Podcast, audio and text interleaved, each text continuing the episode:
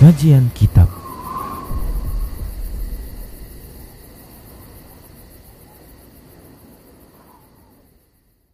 Bismillah, Assalamualaikum warahmatullahi wabarakatuh.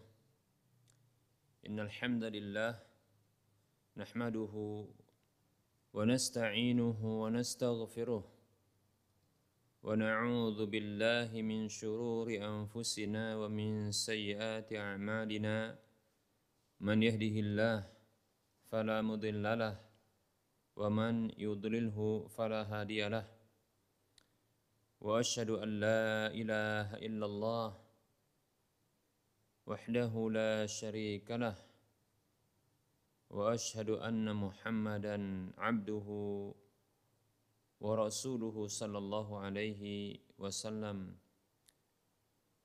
قال الله تبارك وتعالى يا أيها الذين آمنوا اتقوا الله حق تقاته ولا تموتن إلا وأنتم مسلمون. يا أيها الناس اتقوا ربكم الذي خلقكم من نفس واحدة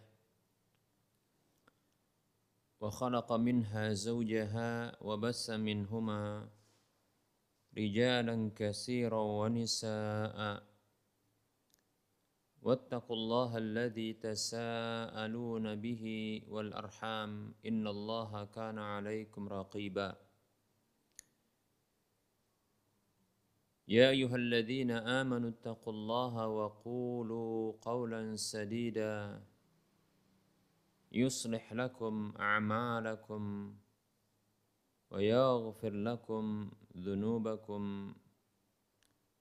ومن يطع الله ورسوله فقد فاز فوزا عظيما. أما بعد فإن أصدق الحديث كتاب الله وخير الهدى هدى رسول الله صلى الله عليه وسلم وشر الأمور محدثاتها وكل محدثة بدعة وكل بدعة ضلالة وكل ضلالة في النار.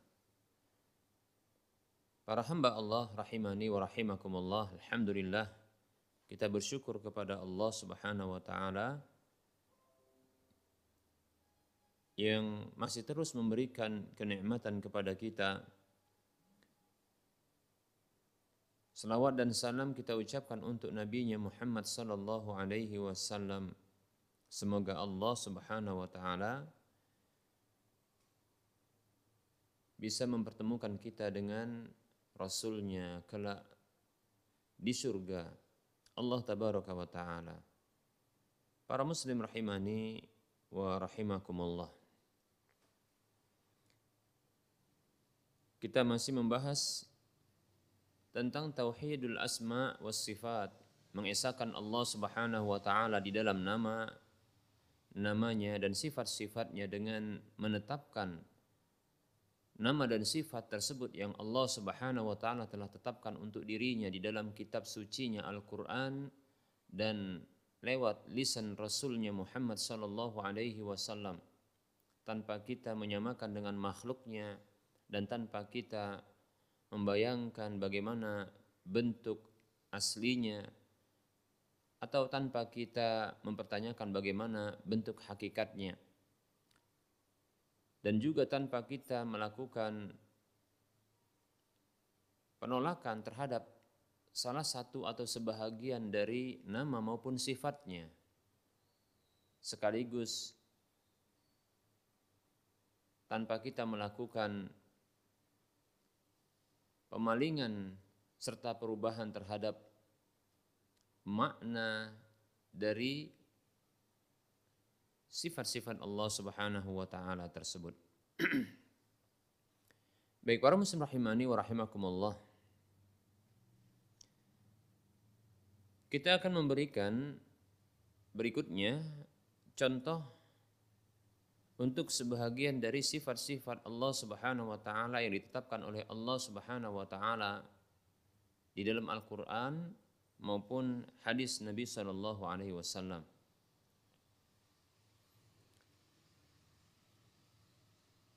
Perlu kita tegaskan bahwasanya sifat-sifat Allah Subhanahu wa taala para hamba tidak mampu untuk menghitungnya. Karena setiap nama Allah Subhanahu wa taala itu mengandung sifatnya. Mengandung sifat bagi Allah Subhanahu wa taala sifat yang tinggi, lagi mulia, yang maha sempurna. Nama-nama Allah Subhanahu wa taala itu pun tidak bisa untuk dihitung oleh manusia. Ditentukan oleh manusia batasnya. Dikarenakan dari nama-nama Allah Subhanahu wa taala tersebut ada yang Allah Subhanahu wa taala simpan di dalam ilmu gaib yang ada di sisi Allah Subhanahu wa taala.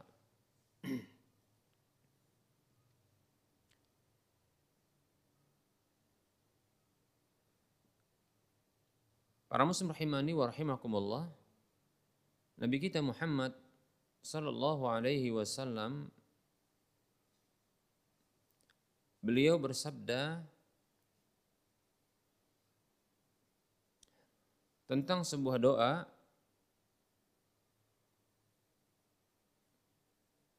doa ketika mengalami kegundah gulanaan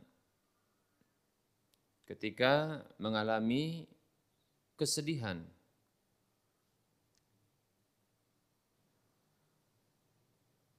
Agar hilangnya kesedihan dan kegundah gulanaan tersebut maka ada doa yang diajarkan oleh Nabi sallallahu alaihi wasallam.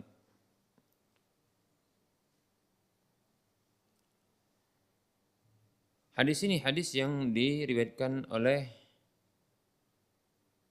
Razin dari Abdullah bin Mas'ud radhiyallahu anhu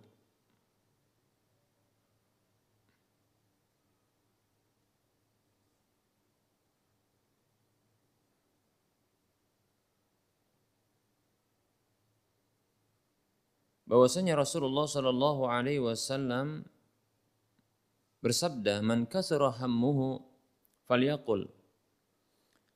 Siapa saja yang banyak kesedihannya,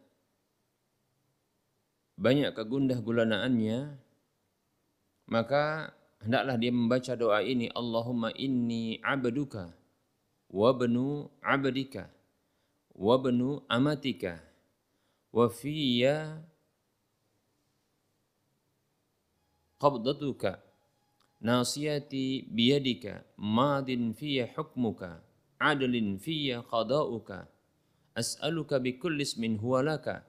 Sammaita bihi nafsaka aw anzaltahu fi kitabika aw 'allamtahu ahadan min khalqika. Aw alhamta ibadaka aw ista'sarta bihi fi maknunil ghaibi 'indaka. An taj'ala al-qur'ana rabi'a qalbi wa jala'a hammi wa ghammi Ma qalaha 'abdun qatu illa adhaballahu ghummahu wa abdalahu faraja. Hadis ini hadis yang diriwayatkan oleh Imam Razin. Dari Abdul, Abdullah bin Mas'ud radhiyallahu anhu bahwasanya Rasulullah shallallahu alaihi wasallam beliau bersabda yang artinya siapa saja yang banyak kesedihannya dan kegundah gulaan kegundah gulanaannya maka hendaklah membaca doa berikut ini yang artinya, Ya Allah sesungguhnya aku adalah hambamu dan putra hamba laki-lakimu dan putra hamba perempuanmu.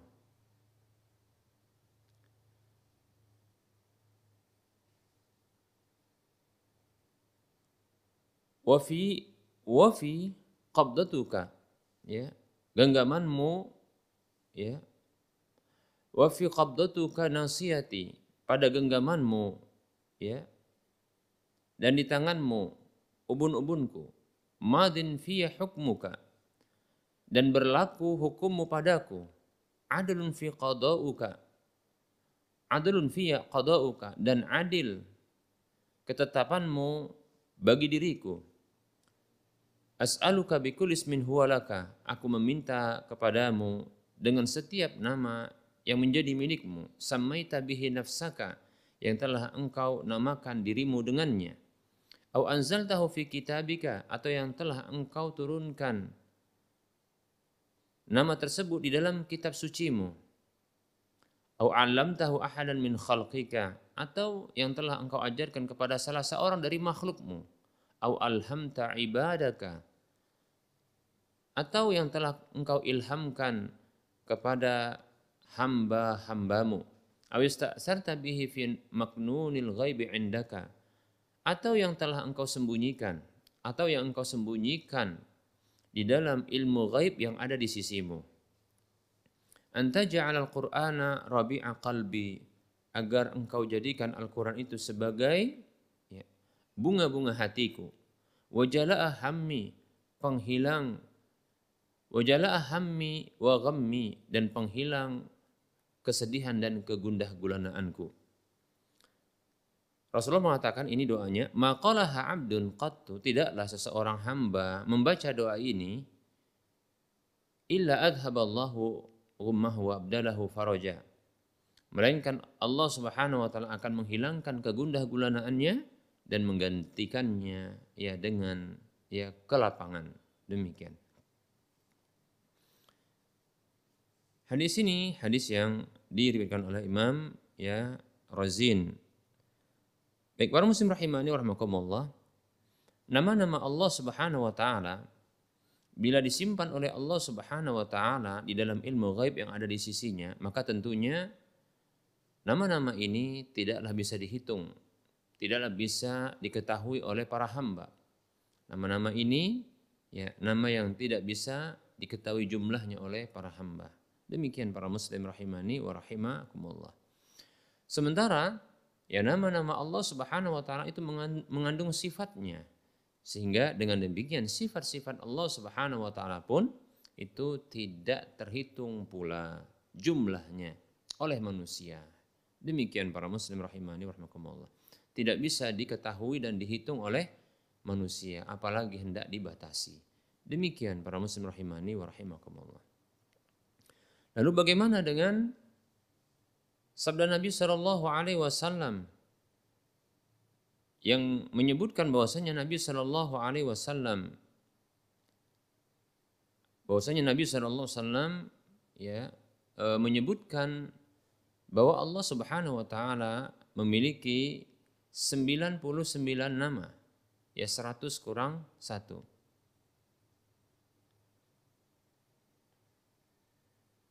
Dalam sebuah hadis yang diriwayatkan oleh Imam Muslim demikian pula ya diriwayatkan oleh ulama-ulama yang lainnya.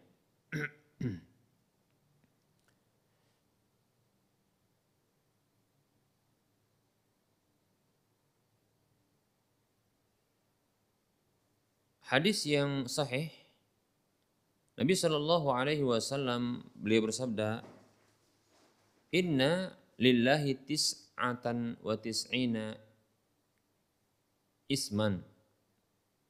Isman. Kita ulangi. Ya.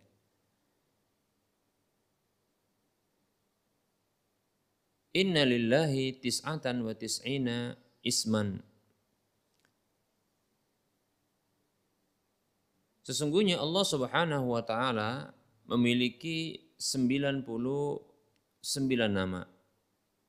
Dalam riwayat yang lain disebutkan ya 100 kurang 1. Disebutkan dalam riwayat eh, Bukhari demikian ya. Inna lillahi tis'atan wa tis'ina isman mi'atan illa wahidan. Sesungguhnya Allah memiliki 99 nama 100 kurang satu. Man ahsaha dakhalal jannah. Siapa saja yang mengihsaknya ya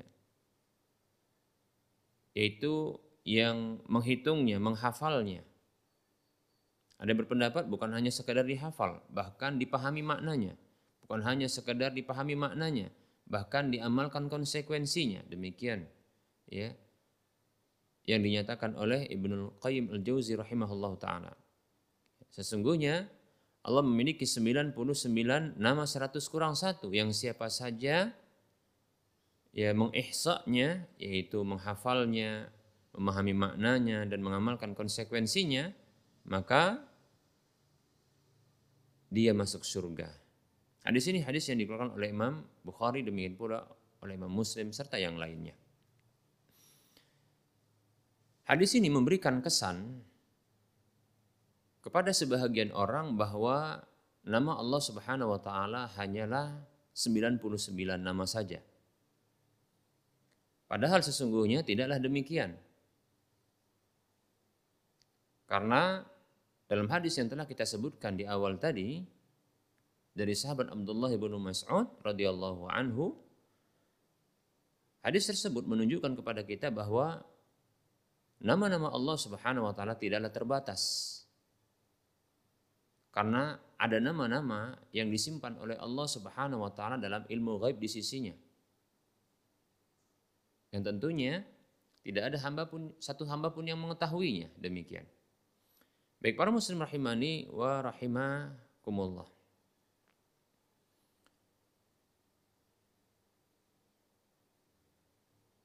Dan setiap nama-nama Allah Subhanahu wa taala itu mengandung sifatnya dan ini kembali kita tegaskan jika demikian karena nama Allah tidak bisa di dihitung jumlahnya dan tidak bisa dibatasi ya jumlahnya maka begitu juga lah ya sifat-sifat Allah. Baik kita katakan ada hadis yang seolah-olah memberikan kesan bahwa nama Allah terbatas 99 saja. Dan sudah kita sebutkan hadisnya hadis yang sahih demikian. Baik para muslim rahimani wa rahimakumullah. Sesungguhnya hadis-hadis yang sahih dalil-dalil yang sahih yang semuanya adalah wahyu dari Allah Subhanahu wa taala. Al-Qur'an itu adalah wahyu. Hadis Nabi Shallallahu alaihi wasallam adalah wahyu karena Allah Subhanahu wa taala berfirman dalam surah An-Najm ayat 3 dan 4, A'udzu billahi minasyaitonir rajim wa ma yantiqu 'anil hawa in huwa illa wahyu yuha. Tidaklah dia yaitu Nabi kita Muhammad sallallahu alaihi wasallam berbicara dari hawa nafsunya dan tidaklah ucapannya melainkan wahyu yang diwahyukan kepadanya. Hadis Nabi sallallahu alaihi wasallam adalah wahyu. Dan perbuatan Nabi sallallahu alaihi wasallam adalah wahyu karena dibimbing oleh Allah Subhanahu wa taala. Bila keliru maka akan diluruskan oleh Allah Subhanahu wa taala. Demikian. Baik para muslim rahimani wa rahimakumullah.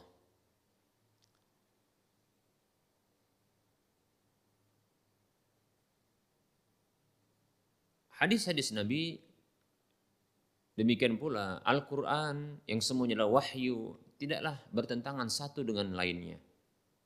Tidaklah mungkin kontradiksi karena dia berasal dari Allah Subhanahu wa taala, zat yang maha mengetahui. Maka tentunya tidak ada kontradiksi pada diri Allah Subhanahu wa taala. Karena wahyu itu berasal dari Allah, karena Al-Qur'an adalah wahyu, karena hadis adalah wahyu, yang keduanya adalah berasal dari Allah Subhanahu wa taala.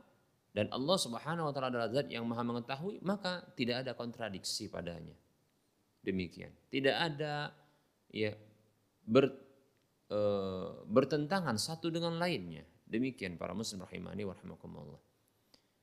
Jangankan ya dalil syar'i yaitu wahyu Allah Subhanahu wa taala Al-Qur'an dengan Al-Qur'an, Al-Qur'an dengan hadis, ya. Hadis dengan Al-Qur'an, hadis dengan hadis. Yang ini adalah wahyu dari Allah, ini bertentangan, jangankan ini ya. Bahkan ya.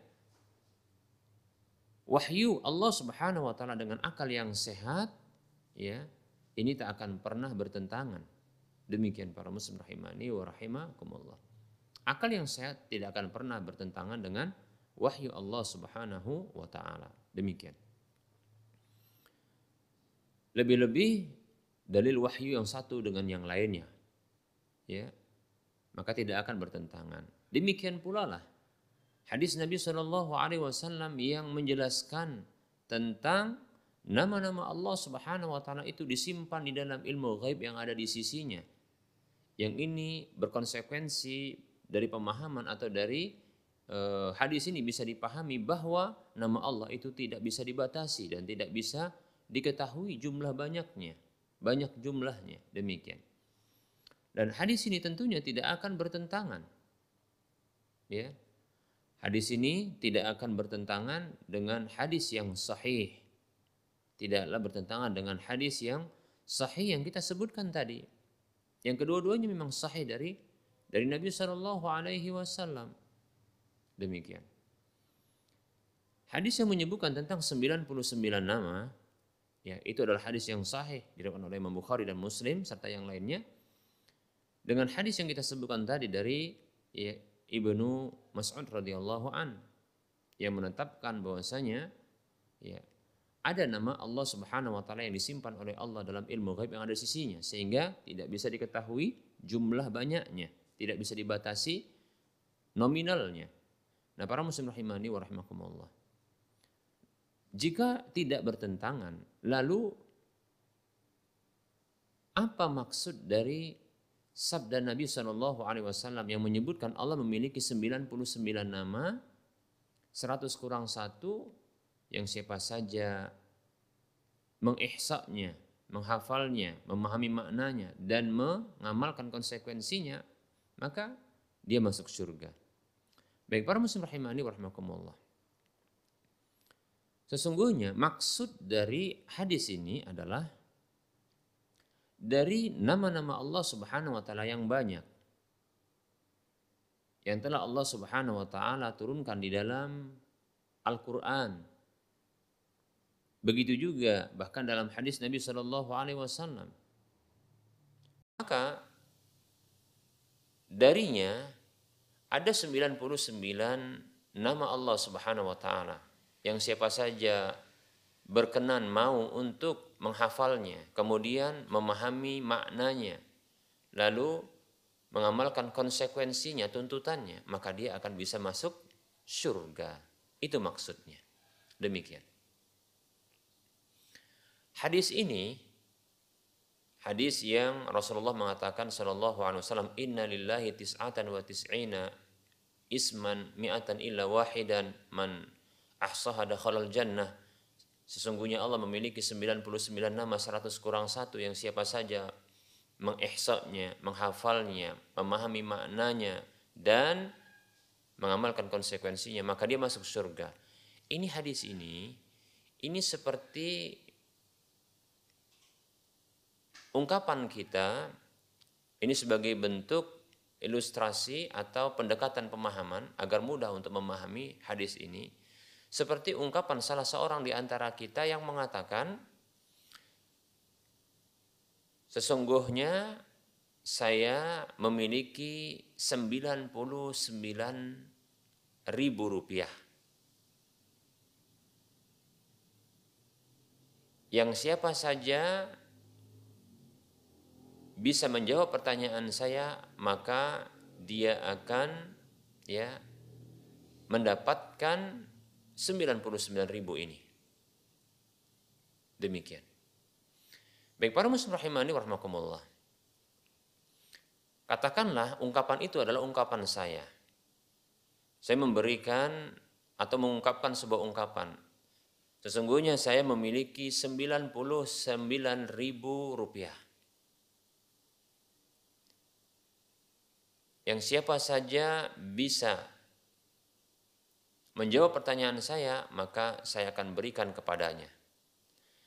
Baik, para muslim rahimani warahmatullah, apakah Anda yang mendengarkan ungkapan saya itu memahami bahwasanya uang yang saya miliki hanyalah 99 ribu saja? Maka tentu jawabannya tentu tidak. Bagaimana ada orang ingin memberikan uang ya sebagai hadiah ketika bisa menjawab pertanyaannya itu diberikan seluruh uangnya. Lalu dia akan ya memenuhi kebutuhannya dari uang yang mana. Seperti itu ya.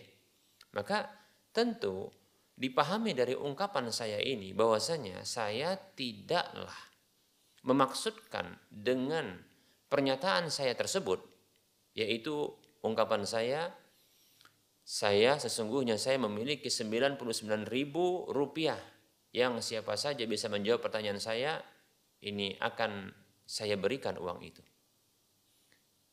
Maka dari ungkapan ini bukanlah saya memaksudkan bahwasanya saya hanya memiliki 99 ribu rupiah saja.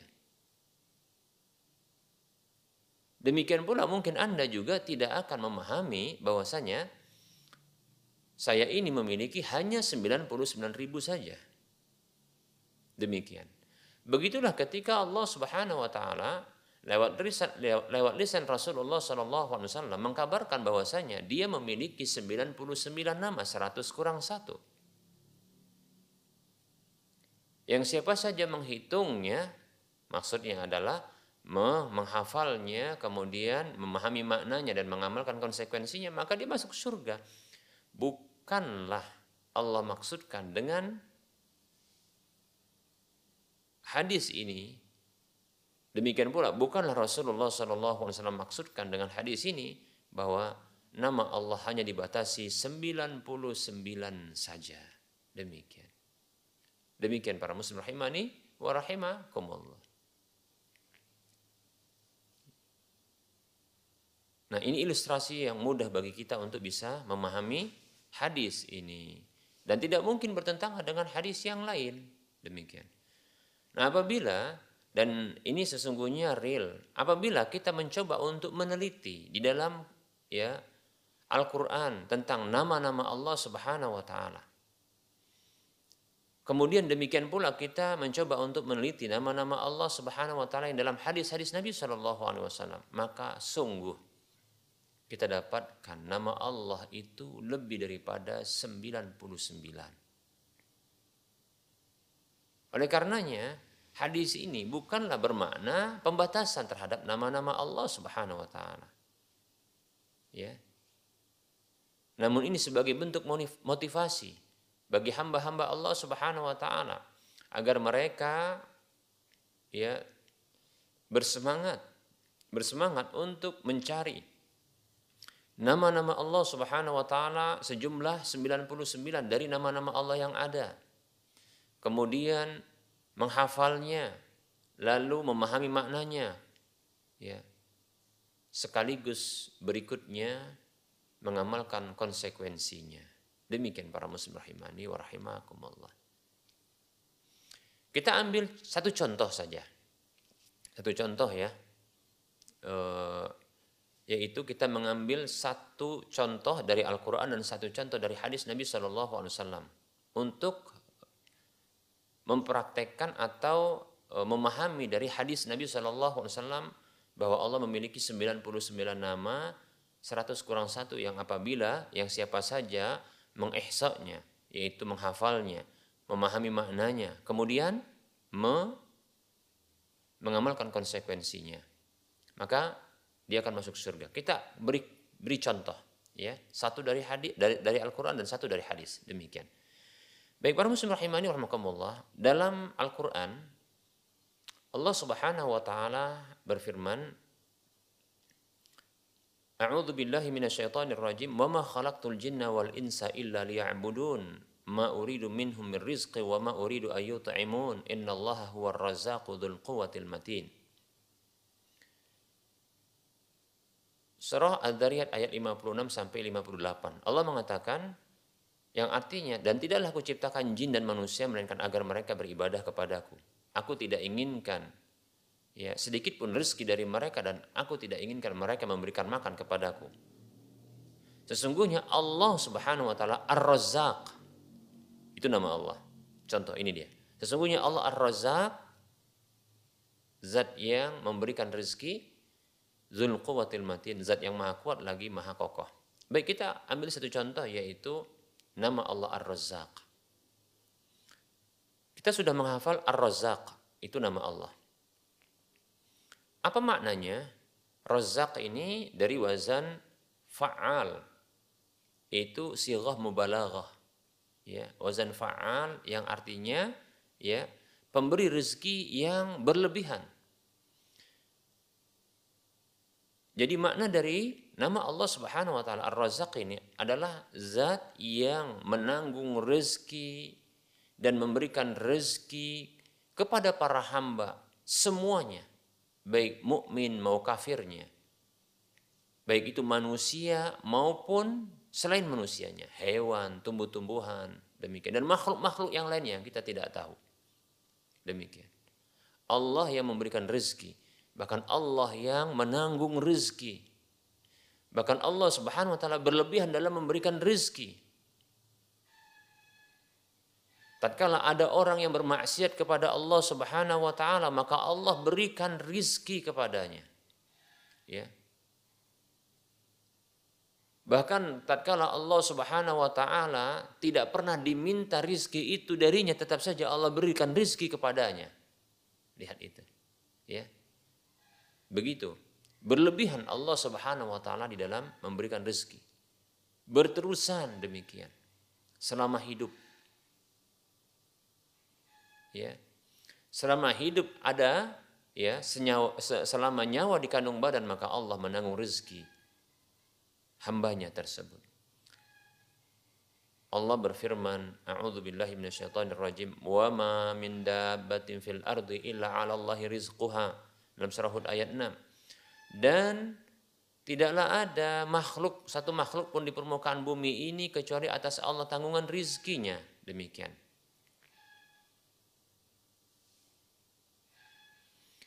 Inna Allah yabsutu rizqa liman yasha wa yaqdirulah. Sesungguhnya Allah yang mem memperluas, meluaskan rezeki bagi siapa saja yang dia kehendaki dari hamba-hambanya dan menyempitkannya. Demikian. Baik para muslim rahimani warahmatullah.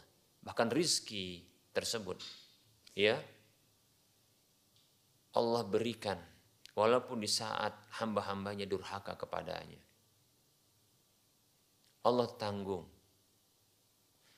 Bahkan rizki tersebut akan didatangkan oleh Allah subhanahu wa ta'ala kepada hambanya. Walaupun hamba tersebut barangkali menolaknya. Barangkali hambanya pun tidak mencarinya. Demikian. Kita lihat bahwasanya ada orang-orang yang sakit yang tidak bisa bergerak namun Allah datangkan rizki kepada mereka. Tatkali, tat, tatkala mulut sudah tak lagi bisa membuka. Ya. Untuk bisa menerima makanan atau minuman, maka Allah salurkan rizki itu lewat orang yang ada di sekitarnya ya untuk dimasukkan lewat hidungnya atau dimasukkan lewat alat yang lainnya seperti itu sehingga dia bertahan hidup. Allah berikan rizki itu kepadanya. Ar-Razzaq. Allah Ar-Razzaq ia memberi rezeki dengan berlebihan kepada hambanya yang menanggung rezeki hamba-hambanya. Allah memberikan rezeki sampai nyawa itu di penghujung masanya. Di penghujung ajalnya. Allah berikan rezeki. Hanya saja Allah Subhanahu wa taala meminta dari kita untuk mencari rezeki yang halal lagi baik. Demikian lewat lisan Rasulullah Shallallahu Alaihi Wasallam Allah menginginkan hal tersebut. Ya ayuhan nas ittaqullah wa ajmilu fit talab. Wahai manusia bertakwalah kepada Allah perbagus dalam mencari rezeki. Inna nafsan dan tamuta hatta tastawfi rizqaha. Sesungguhnya sebuah jiwa tak akan mati sampai dia mengambil meraup semua rezekinya. Wa in abta'a anha walaupun terasa lambat darinya. Wattaqullaha wa ajmilu fi talab. Bertakwalah kepada Allah dan perbagus dalam mencari rezeki. Khudhu ma halla wa da'u ma hurrima. Ambil yang halal dan tinggalkan yang haram. Karena rezeki itu karena it, karena rezeki itu adalah rezeki yang halal, ya. Karena rezeki itu adalah dari Allah, maka Allah inginkan itu diambil dengan cara yang halal bukan dengan cara yang haram demikian. Baik. Para muslim rahimani rahimakumullah. Jikalau memang rezeki pasti datang, bahkan lebih banyak dia akan datang ya ketimbang kematian itu. Kata Nabi Shallallahu Alaihi Wasallam, hadis tadi hadis yang dikeluarkan oleh Imam Ibnu Majah. Ini hadis yang diriwayatkan oleh Imam ya Tabrani. Nabi kita Muhammad Shallallahu Alaihi Wasallam bersabda, Inna rizqa la yatlubul abda aksaru mimma yatlubuhu ajaluhu. Ya. Sesungguhnya rizki itu benar-benar mencari seorang hamba ya, lebih banyak ketimbang kematian hamba tersebut mencarinya. Demikian. Maut ya, maut si hamba tersebut mencarinya. Lebih banyak lagi, lagi rezekinya. Demikian para muslim rahimahli wa rahimakumullah. Nah ini makna dari Ar-Razzaq nama Allah Ar-Razzaq, zat yang menanggung rezeki seluruh para hambanya. Memberikan rezeki kepada hambanya seluruhnya tanpa membeda-bedakannya. Bahkan berlebihan Allah ya di dalam ya e, pemberian dan e, penyalurannya. Demikian para muslim rahimani wa rahimakumullah. Kita sudah bahas kita sudah sebutkan e, dua tahapan. Tahapan pertama yaitu menghafalnya. Tahapan yang kedua memahami maknanya. Yang ketiga adalah ya tinggal mengamalkan konsekuensinya. Konsekuensi dari ar-razaq ini adalah meminta rezeki hanya kepada Allah. Konsekuensi dari ar-razaq ini adalah menyandarkan rezeki itu kepada Allah. Konsekuensi dari nama Allah Ar-Razzaq ini adalah tidak berputus asa dari rahmat Allah di antaranya berupa rezeki Allah. Demikian.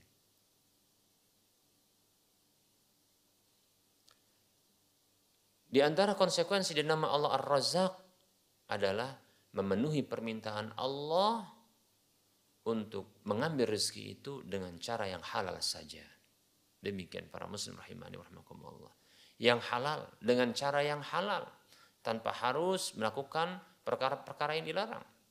Ya, mengambil harta orang, ya, mencuri, merampas, merampok, korupsi. Ya.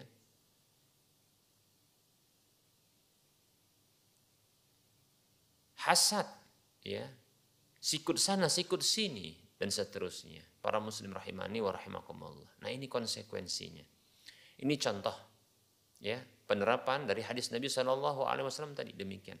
Nah, bila satu nama Allah ini, satu nama Allah, diberlakukan juga kepada nama-nama Allah yang lain demikian, maka bisa masuk surga insya Allah. Karena demikian kata Rasulullah Wasallam. Itu contoh nama Allah dari Al-Quran. Kita akan ambil contoh nama Allah dari hadis. Dan ini tidak ada dalam Al-Quran. Yang ada hanyalah dalam penyebutan nama. E, sifat, e, bukan sifat, tapi perbuatan. Yaitu nama Allah subhanahu wa ta'ala Asy-Syafi. Asy-Syafi. Nama Allah Asy-Syafi. Nama Allah Asy-Syafi ini terdapat dalam satu hadis. Itu hadis yang e, berisi doa yang diajarkan oleh Nabi Shallallahu Alaihi Wasallam tatkala sakit untuk membaca doa ini. Itu doa yang ada beberapa redaksi bunyi doanya, namun kita ambil salah satu contoh bunyi doanya. Allahumma rabban nas adhibil ba'sa isfi anta syafi la shifaa illa shifauka la la, la shifaa illa shifauka shifaan la yughadiru saqama. Allahumma rabban nas ya Allah Rabb manusia, Tuhan manusia pencipta, pengatur dan penguasa manusia. Adhibil ba'sa, hilangkan, hilangkan rasa sakit. Isfi, sembuhkan, sembuhkan ia. Antas syafi, engkaulah sang penyembuh, zat yang maha penyembuh. Demikian. Ini asyafi. Rasulullah sendiri yang menyebutkan asyafi. Ini wahyu dari Allah. La shifa'a illa shifa'uk. Tidak ada kesembuhan kecuali kesembuhanmu Syifa'an la yughadiru saqama. Kesembuhan yang tidak menyisakan rasa sakit lagi, penyakit lagi. Demikian. Nah, para muslim rahimani rahimakumullah. Ya, ini hadis yang sahih. Baik para muslim rahimani warahmatullah, nama Allah Asy-Syafi. Kita akan mencoba untuk menghafalnya. Sudah hafal karena mudah. Asy-Syafi, Asy-Syafi. Artinya zat yang maha menyembuhkan. Kemudian kita akan mencoba untuk memahami maknanya. Apa makna dari nama Asy-Syafi? Adalah zat yang memiliki kesembuhan. Zat yang memberikan kesembuhan menyembuhkan penyakit-penyakit para hambanya yang tidak ada kesembuhan kecuali kesembuhan darinya. Apa pun sakit yang ada di alam semesta ini yang Allah ciptakan, maka Allah jadikan ada ada penyembuhnya. Dan kesembuhan itu datang darinya karena kesembuhan itu miliknya maka kesembuhan itu pun diminta darinya. Baik para muslim rahimani wa kesembuhan ini terkadang Allah subhanahu wa ta'ala jadikan lewat sarana-sarana yang Allah rekomendasi. Baik itu dalam Al-Quran maupun hadis Nabi Shallallahu Alaihi Wasallam. Atau pada benda-benda atau pada barang-barang atau pada apa saja yang telah Allah ciptakan. Memang di sana ada kesembuhan. Dan itu ya menanti penelitian para ahli demikian. Kesembuhan itu ya berasal dari Allah Subhanahu wa taala namun terkadang Allah berikan itu lewat sarana-sarana yang sudah kita sebutkan. Di dalam Al-Quran Allah menyebutkan bahwasanya ya Al-Quran itu sebagai syifa.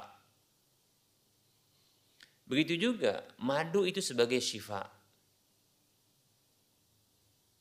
Contoh demikian. Ya.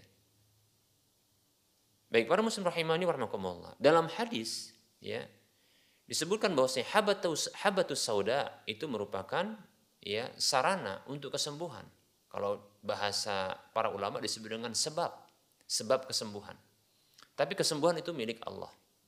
Datang dari Allah. Allah yang menyembuhkan. Allah yang memberikan kesembuhan tersebut. Demikian.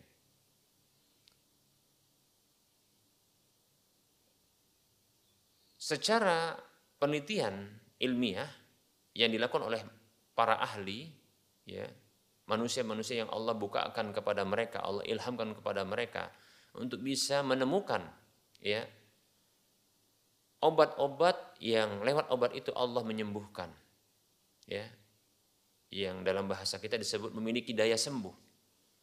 Tapi tetap saja kesembuhan datang dari Allah Subhanahu wa taala. Demikian. Mengapa demikian karena kita dapatkan ada orang yang sakit dengan sakit tertentu ketika dibacakan pun Al-Qur'an kepadanya diberikan madu kepadanya ya Begitu juga diberikan kepadanya ya tin dan zaitun, buah tin dan buah zaitun. Seperti itu. Begitu juga diberikan kepada dia ya habatus sauda dan seterusnya dari obat-obat yang direkomendasi oleh Allah dalam Al-Quran maupun lewat lisan Rasulullah Sallallahu Alaihi Wasallam. Namun terkadang pun tidak sembuh, ya, karena Allah tidak menetapkan karena Allah tidak menghendaki. Betul, itu hanyalah sarana yang Allah telah sebutkan. Sebagaimana obat-obat yang ditemukan oleh para ahli. Manusia-manusia yang telah Allah berikan ilham kepada mereka untuk menemukan obat-obat tertentu. Ya. Yang kata para manusia dengan lisan mereka ini memiliki daya sembuh. Namun ketahui kesembuhan itu datang dari Allah Subhanahu wa taala. Kesembuhan itu milik Allah Subhanahu wa taala. Maka mintalah kepadanya ya. Adapun obat-obat ya sebagai sarana kesembuhan tersebut yang disebutkan oleh Allah dalam Al-Qur'an maupun dalam hadis Rasulullah Shallallahu alaihi wasallam. Begitu juga ditemukan oleh para ahli medis, maka jangan pernah kita jadikan dia ya sebagai sesuatu yang diyakini bisa menyembuhkan. itu hanyalah sarana. Bila tepat ya, tepat obatnya, tepat juga dosisnya, maka Allah dengan itu akan memberikan kesembuhan. Demikian. Namun bila Allah tidak menghendaki, maka bisa jadi ya dalam ungkapan manusia ini tidak tepat obatnya atau tidak tepat dosisnya. Seperti itu. Karena sesungguhnya kesembuhan itu datang dari Allah Subhanahu wa taala. Ya. Demikian. Ini makna dari nama Allah Asy-Syafi zat yang maha menyembuhkan ya yang kata Nabi Ibrahim fa idza maritu fahuwa yashfin maritu fahuwa yashfin apabila aku sakit maka Allah yang menyembuhkan dia itu yang menyembuhkan itu Allah demikian itu keyakinan. Nah, yang ketiga, apa tuntutan konsekuensi dari nama Allah Asy-Syafi ini? Yaitu kita meminta kesembuhan hanya kepada Allah. Kita mengharapkan kesembuhan dari Allah Subhanahu wa taala. Sembari kita menempuh sebabnya, mengambil sebabnya. Dan tidak boleh bagi kita untuk meyakini sesuatu ini ya memiliki daya sembuh. Ya. Dan tidak boleh kita meyakini bahwasanya sesuatu ini yang menyembuhkan. Obat itu yang menyembuhkan. Tidak boleh bagi kita. Itu kesyirikan. Tapi kesembuhan datang dari Allah lewat obat ini yang Allah tetapkan. Demikian. Kemudian tidak boleh juga kita menetapkan bahwasanya satu ini sebagai obat bila tidak disebutkan oleh Allah Subhanahu wa taala dalam Al-Qur'an maupun tidak disebutkan oleh Rasulullah dalam hadisnya sebagai obat. Terus yang ketiga adalah tidak ditemukan oleh para ahli dia sebagai sesuatu yang bisa memiliki daya sembuh yang Allah ciptakan. Nah, tidak boleh kita ya melakukan demikian. Tapi bila kita ingin melakukan pengujian, boleh saja setelah diteliti ya ternyata ini memiliki ya senyawa ini yang bila ya dia dimasukkan ke dalam tubuh maka akan membangkitkan antibodi dengan cara seperti itu maka akan contohnya ya menyerang penyakit tersebut. Nah, contohnya seperti itu. Atau ya benda ini itu memiliki dia e, senyawa ini dan itu, pengaruh ini dan itu. Lalu diteliti ya melalui uji klinis bahwasanya dia memiliki ya daya sembuh setelah itu dan itu melalui tahapan-tahapan pengujian seperti itu. Nah, para muslim rahimani warahmatullah, nah ini demikian. Tidak boleh kita contohnya meyakini. Lebih-lebih ternyata setelah ada petuah dari Mbah Dukun contohnya. Ya. Bahwasanya oh ini memiliki daya sembuh. Ya. Tidak boleh. Sampai pun seandainya ada contohnya batu saat ini yang ditemukan, ya dia ternyata memiliki katanya memiliki daya sembuh. Maka tidak boleh kita meyakininya, melainkan ya pertama disebutkan dalam Al-Quran. Bila tidak ada, maka dalam hadis. Bila tidak ada, maka melalui ujian, melalui uji klinis yaitu tahapan-tahapan ujian lulus uji sehingga para medis yang lebih layak untuk menyatakan bahwasanya ini benda ini atau sesuatu ini memiliki daya sembuh. Tapi kita harus yakini itu datang dari Allah karena memang Allah yang menciptakan dia memiliki daya sembuh. Tapi belum tentu pun dia ya bisa ketika diinteraksikan dengan penyakit akan lantas sembuh penyakit itu. Belum tentu. Karena Allah tidak menghendakinya. Bisa jadi sembuh pada satu kasus, namun tidak sembuh pada kasus yang lain karena Allah tidak menghendakinya. Oleh karenanya, ya, minta kesembuhan kepada Allah Subhanahu wa taala, meyakini kesembuhan datang dari Allah Subhanahu wa taala. Demikian dan berusaha, ya. Kalau dalam bahasa kita disebut berikhtiar, itu mengambil sebab yang dibolehkan ketika berobat demikian para muslim tapi harus diyakini bahwasanya ya Allah yang menyembuhkan. Allah yang menyembuhkan. Datang dari Allah kesembuhan tersebut. Demikian. Bukan obat itu yang dengan sendirinya bisa menyembuhkan. Dan harus tahu bahwasanya obat-obat itu pun harus ya tidak mengandung keharaman-keharaman seperti zat yang haram atau bercampur dengan sesuatu yang yang haram lainnya. Wallahu taala a'lam. Nah, ini contoh. Contoh ya dari e, penerapan sabda Nabi Shallallahu alaihi wasallam terkait dengan ya hadis yang menetapkan bahwa e, di antara nama-nama Allah itu ada 99 nama yang apabila dihafal, kemudian dipahami maknanya, kemudian diamalkan konsekuensinya maka maka, maka akan masuk surga. Demikian para muslim rahimani wa rahimakumullah. Baik kita cukupkan untuk penyampaian materi ya. Insya Allah taala kita akan lanjutkan pada waktu mendatang dengan menyebutkan ya contoh-contoh dari sebagian sifat-sifat yang disebutkan oleh Allah dalam Al-Qur'an maupun lewat lisan Rasulullah Shallallahu alaihi wasallam ya. Seperti itu. Nah, tadi ini hanya sekedar pendahuluan agar mudah bagi kita untuk memahaminya.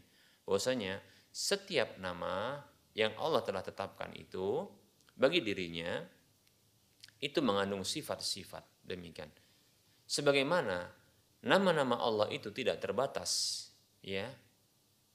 Dan telah kita jelaskan tadi sebab tidak terbatasnya karena ada dalil dari hadis Nabi Wasallam, maka dengan demikian sifat-sifat Allah pun itu tidak terbatas. Demikian. Lebih-lebih ya Sifat Allah bukan hanya berasal dari nama Allah saja. Ada sifat-sifat zatiyah.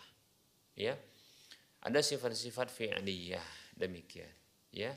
Ada sifat-sifat yang itu berasal dari yang terkandung dalam nama-nama Allah Subhanahu wa taala. Demikian para muslim rahimani rahimakumullah, ya. Sehingga tentunya sifat-sifat Allah lebih lebih banyak ketimbang ya nama-nama Allah Subhanahu wa taala. Wallahu taala alam. Baik para muslim, ya para pemirsa Rosa TV dan para pendengar Radio Medan Mengaji, kita akan e, masuki sesi soal jawab.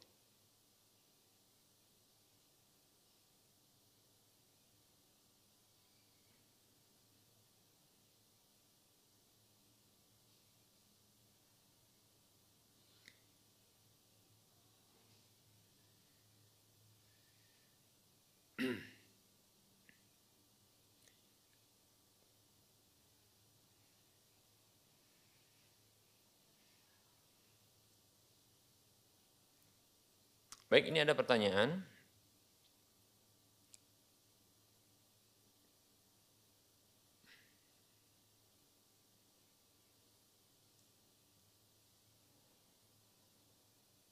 Assalamualaikum Ustaz.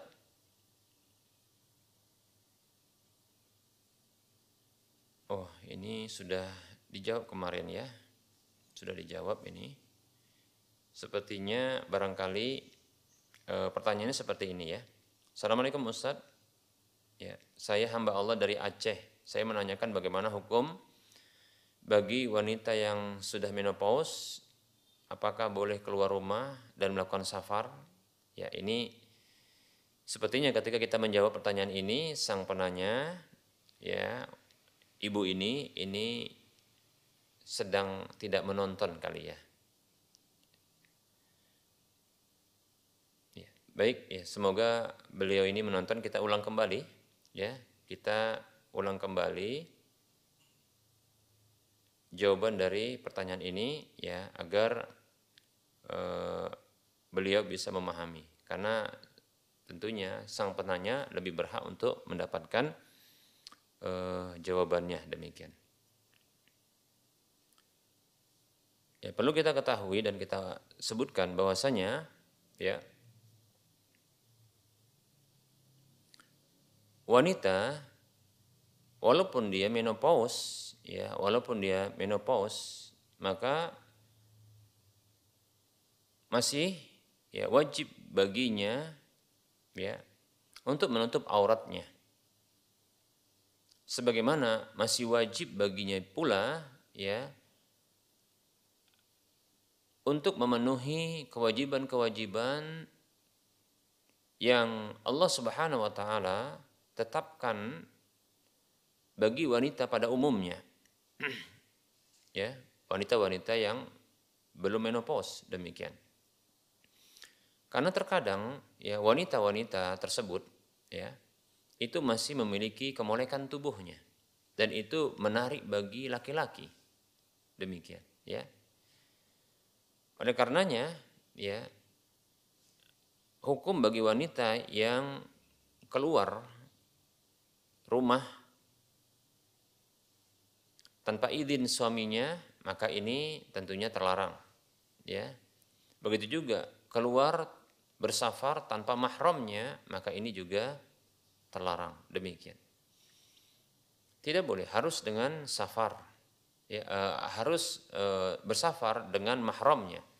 Nabi Shallallahu alaihi wasallam bersabda, "La yakhluwanna ar-rajulu bimra'atin illa ma'aha illa wa ma'aha dhu mahramin wa la tusafiril mar'atu illa ma'adhi mahramin."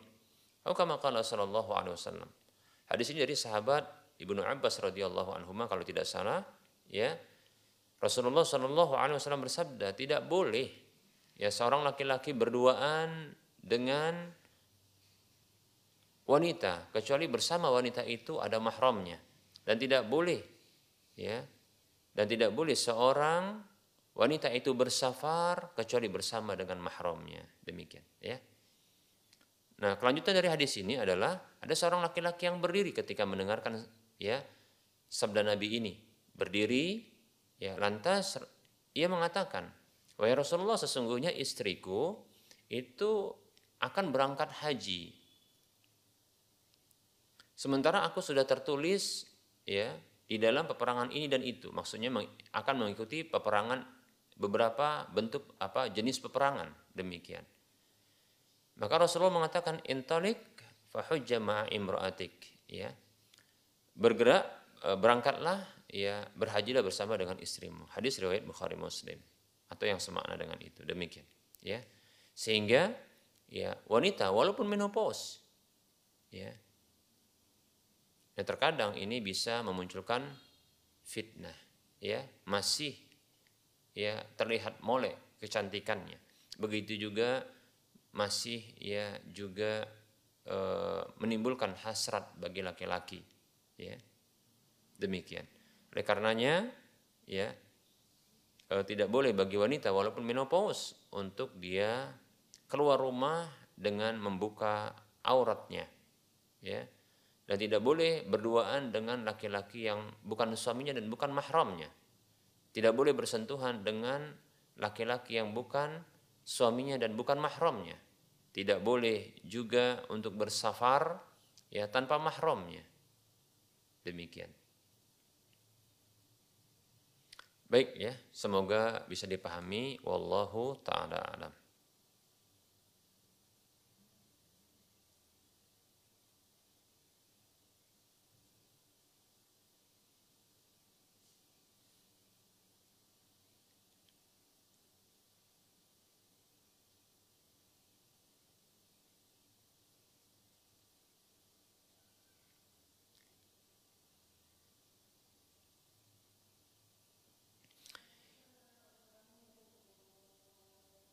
Baik, ada pertanyaan.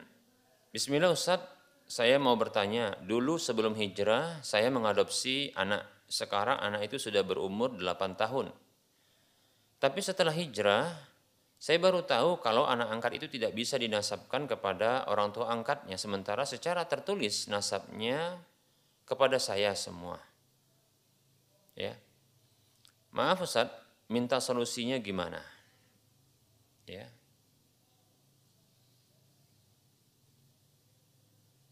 Tapi di sini jawabannya minta untuk lewat WA saja. Syukron. Ya.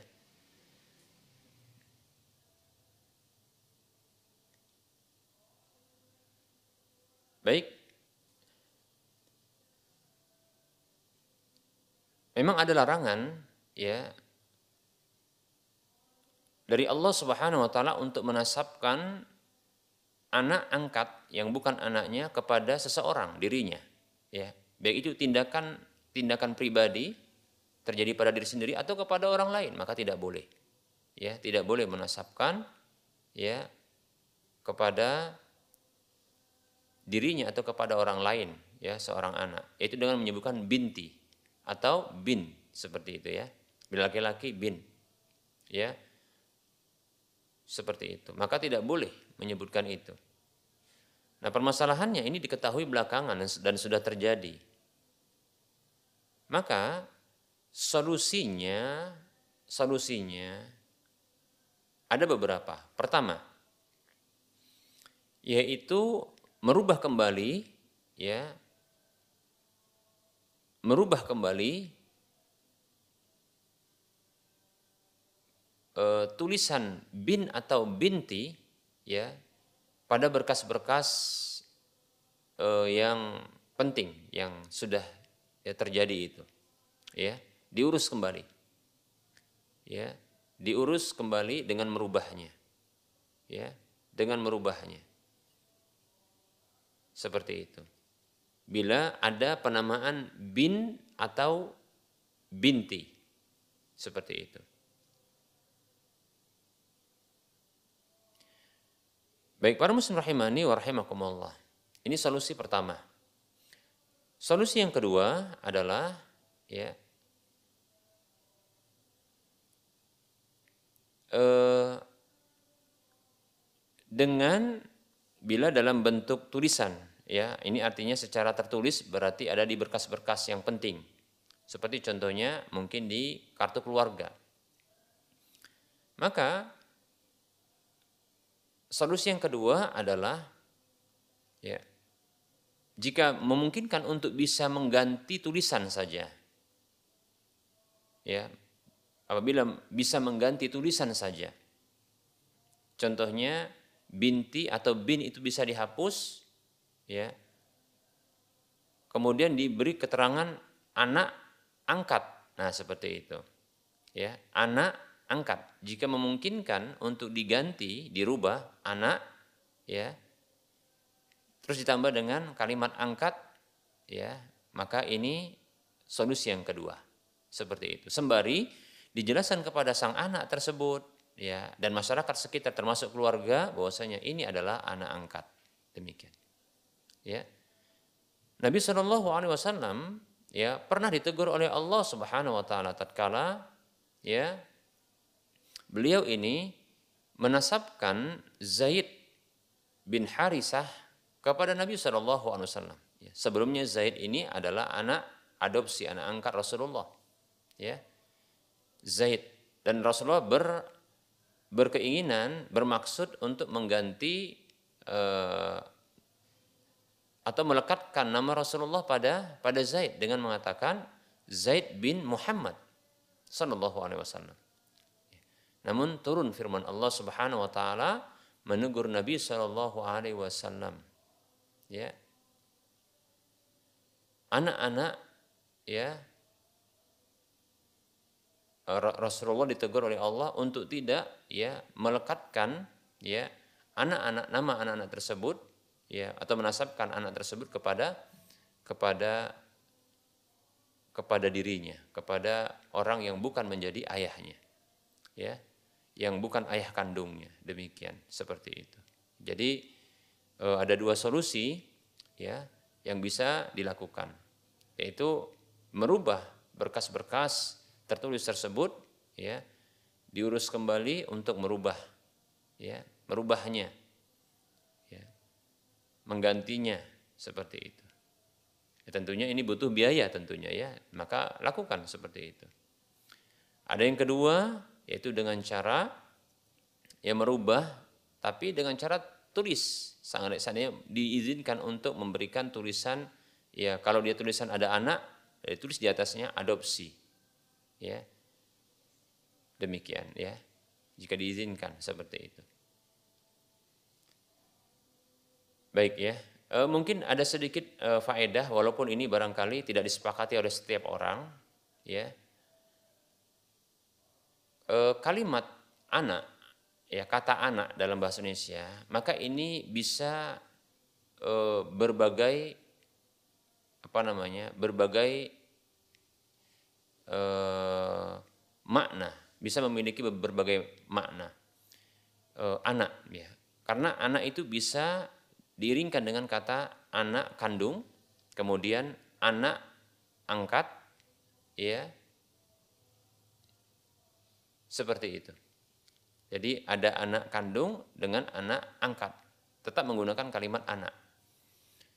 E, sehingga kalau seandainya katakanlah ya ada nama seorang laki-laki dengan e, nama contohnya Omar ya kemudian ada na, anak angkatnya bernama Ali tapi tertulis di situ dengan anak kemudian tertulis Ali begitu maka kalimat anak di sini ini maka saya condong tidak masalah untuk tetap saja dengan anak sembari hati kita ini meyakini ini adalah anak angkat dan orang-orang yang yang ketika membaca hal, uh, tulisan tersebut kita harus beri pemahaman bahwa ini adalah anak angkat, anak adopsi, demikian, bukan anak kandung. Berbeda halnya bila dia ya uh, dengan kata putra atau putri. Nah, kalau seperti ini saya condong putra atau putri ini adalah ya kandung demikian. Oleh karenanya ya Eh, bin atau binti, bin itu diterjemahkan dengan putra. Binti itu putri, demikian. Seperti itu. Ya. Nah, ini tidak ada makna yang lain wallahu taala a'lam seperti itu. Adapun kalau menggunakan anak, maka tidak ada perlu dirubah sembari ya. Bila dalam berkas-berkas itu hanya tercantum anak, kata anak, bukan pakai bin atau bukan pakai binti. Tidak pakai putra, juga tidak pakai putri, hanya menggunakan kata anak. Maka anak ini karena dalam bahasa Indonesia bisa digunakan untuk anak angkat demikian pula untuk anak e, kandung, maka kalimat anak ini ya tidak perlu dirubah sembari kita meyakini bahwasanya itu adalah maksudnya anak angkat karena memang sesungguhnya anak angkat. Kemudian ketika e, anak tersebut setelah besar maka disampaikan bahwa dia adalah anak angkat, anak adopsi, bukan anak kandung. Begitu juga kepada orang-orang di sekitar dan keluarga. Ya, diberitahu bahwasanya ini adalah anak angkat. Dan maksud dari tulisan anak itu adalah anak angkat, bukan anak kandung. Nah seperti itu. Maka insya Allah Taala, saya kira ini tidak masalah.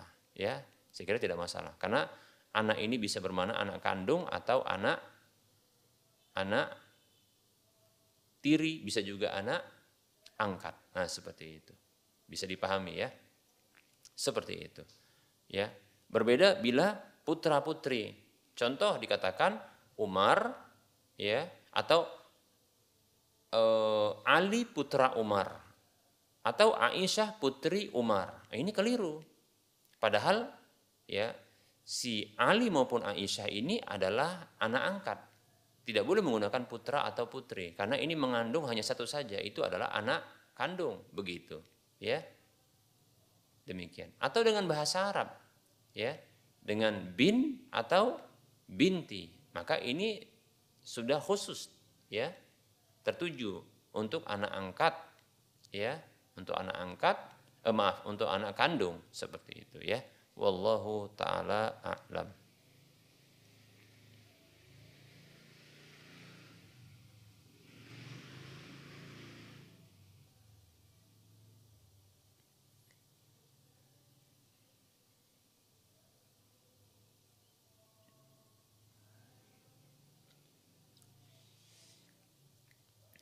Assalamualaikum Ustadz, Waalaikumsalam warahmatullahi wabarakatuh. Saya baru membeli poster untuk pendidikan anak saya. Di dalam poster tersebut ada gambar makhluk. Isi poster tersebut adalah gambar-gambar hewan yang ada di dalam Al-Quran. Bolehkah saya menempelkannya di dinding rumah saya? Pertanyaan berikutnya, boleh tidak Ustadz saya menamai anak saya dengan salah satu dari Asma'ul Husna? Terima kasih. Ustadz, jazakallahu khairah. Ya, sepertinya sang penanya ini langsung ya e, mengikuti atau menonton e, televisi kita ini. Baik. Gambar-gambar makhluk yang bernyawa menggambar makhluk yang bernyawa sesungguhnya terlarang ya menggambar makhluk bernyawa itu terlarang karena Rasulullah Shallallahu Alaihi Wasallam bersabda, Inna dan nasi adaban indallahi yaumal qiyamati al musawirun. Sesungguhnya orang yang paling keras siksanya di sisi Allah pada hari kiamat adalah tukang gambar demikian. Ya, ini oleh karenanya jangan suka menggambar. Demikian. Ini bagi yang tukang gambar. Bagi yang tidak menggambar, maka ya sebaiknya bukan sebaiknya dilarang untuk ya e, memiliki gambar-gambar yang bernyawa. Ya, memiliki gambar-gambar yang bernyawa yang tidak ada keperluannya, tidak ada kebutuhannya. Demikian, ya. Seperti contohnya adalah e, kalender yang di situ berisi e, apa namanya foto-foto manusia, ya Begitu juga contohnya adalah foto-foto kenangan ya ketika mulai dari usia kecil ya usia tamat sekolah tertentu SD, SMP, SMA sampai kuliahan dan seterusnya foto-foto pernikahan demikian. Begitu juga ya yang lebih parah daripada itu yang dia ada pahatan ya gambar makhluk bernyawa seperti manusia maupun hewan ya atau patungnya yang ini terpajang di rumah maka ini tidak boleh terlarang. Mengapa? Karena ini akan membuat rahmat Allah Subhanahu wa taala tidak akan datang ke rumah tersebut ya ke rumah tersebut. Dalam sebuah hadis Nabi Shallallahu alaihi wasallam bersabda innal malaikata la tadkhulu fi baitin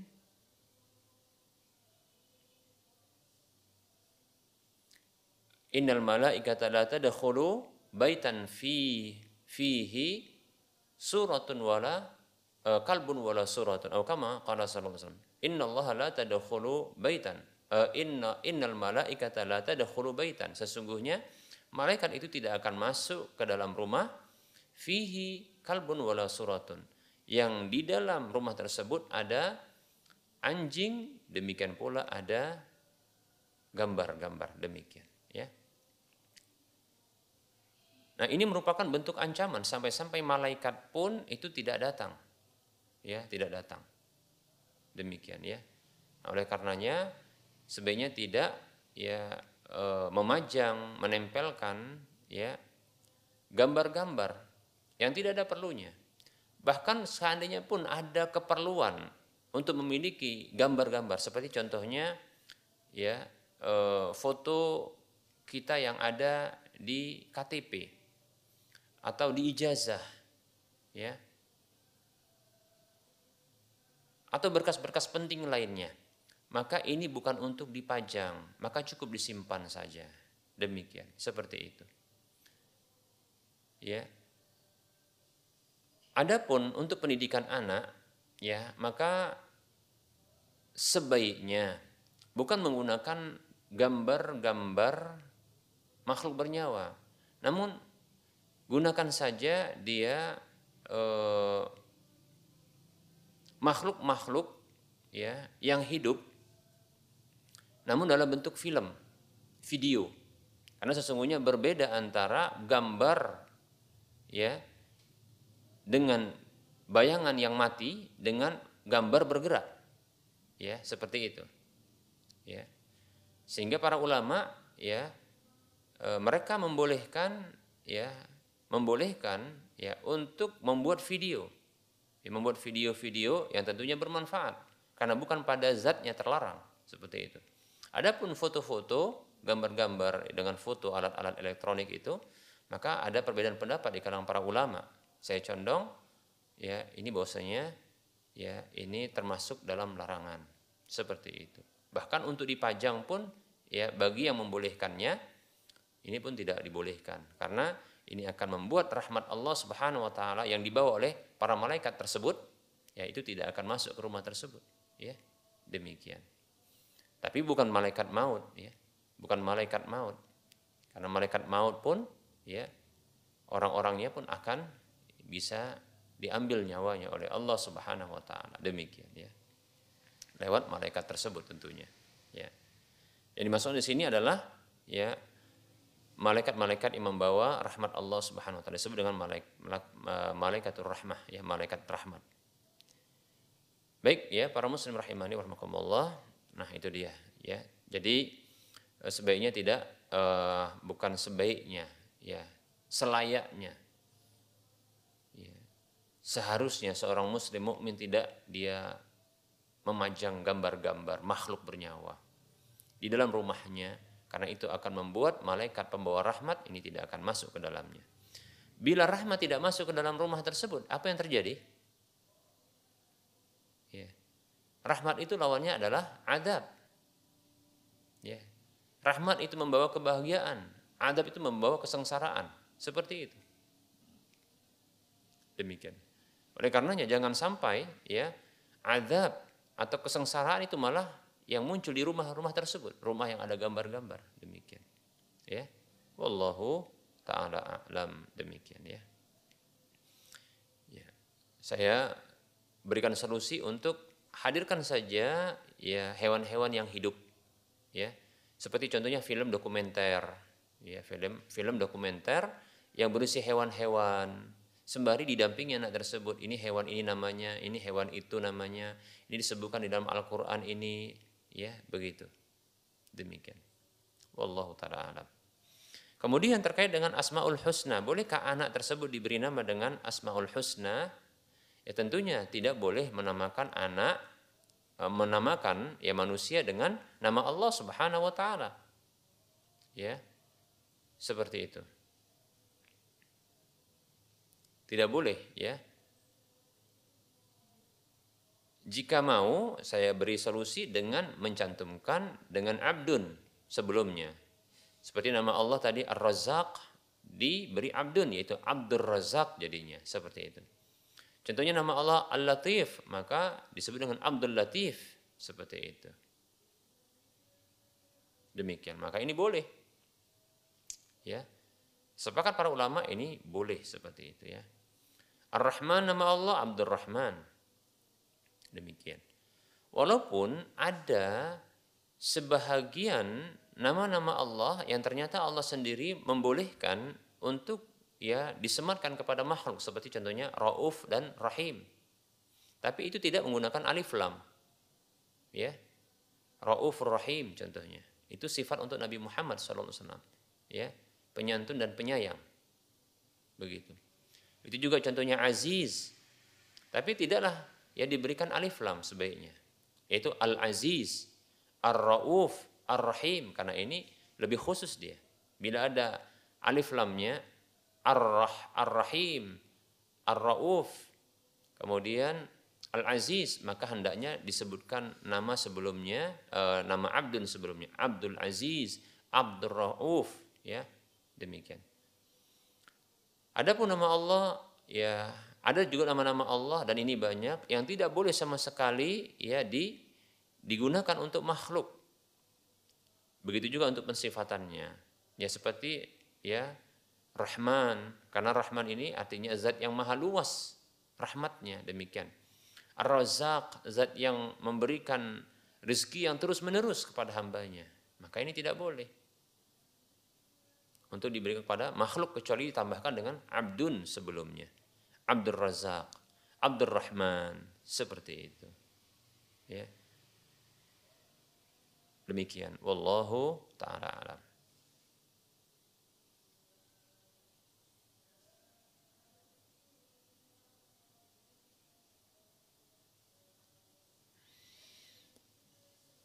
Baik ada pertanyaan, Assalamualaikum Ustaz, apa hukum membeli rumah dari tanah garapan?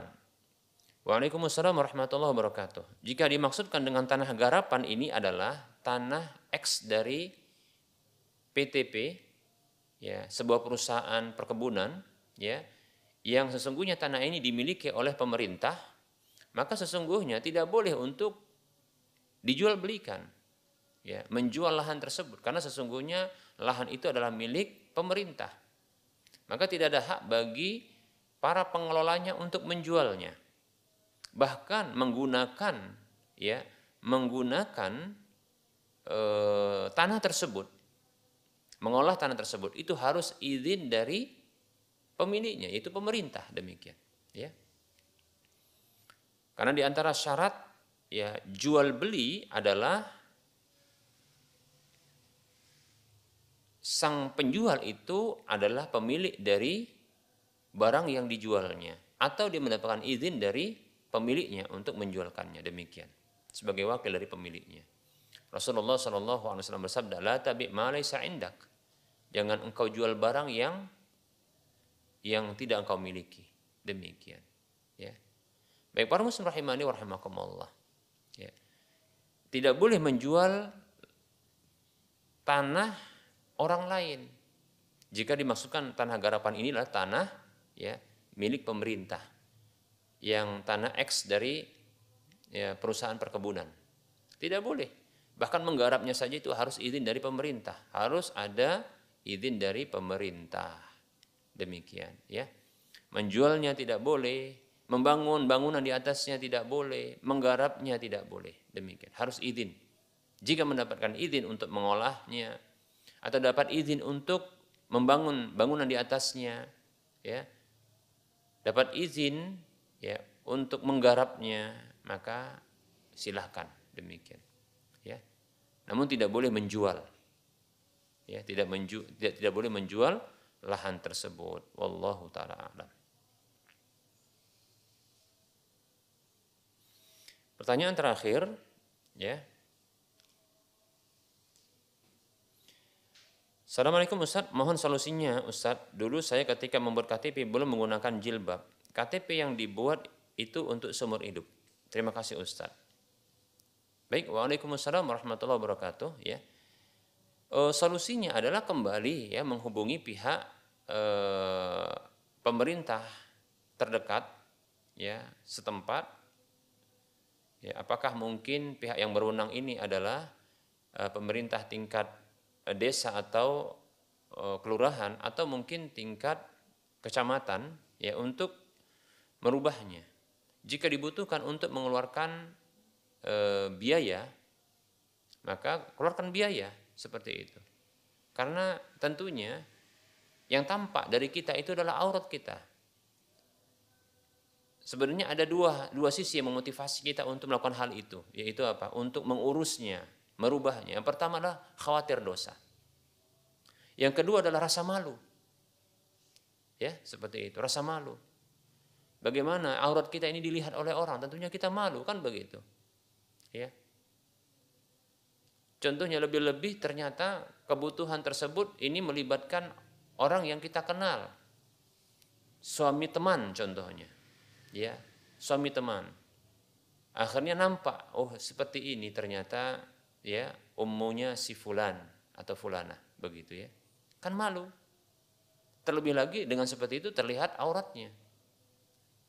Demikian ya. Oleh karenanya ya ini jadi motivasi untuk segera ya e, mengurus perubahan ya dengan cara ya contohnya nanti berjilbab foto kan begitu. Insya Allah kalau foto jilbab insya Allah e, masih diperkenankan oleh pemerintah. Demikian masalahnya wajah ini yang apa ditutup yang ini mungkin tidak diperkenankan ya kalau jilbab insya Allah menurut pendapat yang tepat adalah aurat bagi wanita itu adalah Eh, seluruh tubuhnya kecuali wajah dan telapak tangannya. Wallahu taala alam. Walaupun dalam masalah ini ada perbedaan pendapat. Demikian ya. Seperti itu. Ini solusinya. Semoga uh, bermanfaat. Demikian. Wallahu taala alam wa sallallahu ala Muhammad wa ala alihi wa ashabihi ajma'in. Mohon maaf atas segala kekurangan, kesalahan yang benar datang dari Allah, yang salah datangnya dari saya pribadi dan syaitan. Kepada Allah saya mohon ampun, kepada para pemirsa dan para pendengar saya, saya mohon maaf. Subhanakallahumma wa bihamdika asyhadu an la ilaha illa anta astaghfiruka wa atubu ilaika. Walhamdulillahirabbil alamin. Wassalamualaikum warahmatullahi wabarakatuh.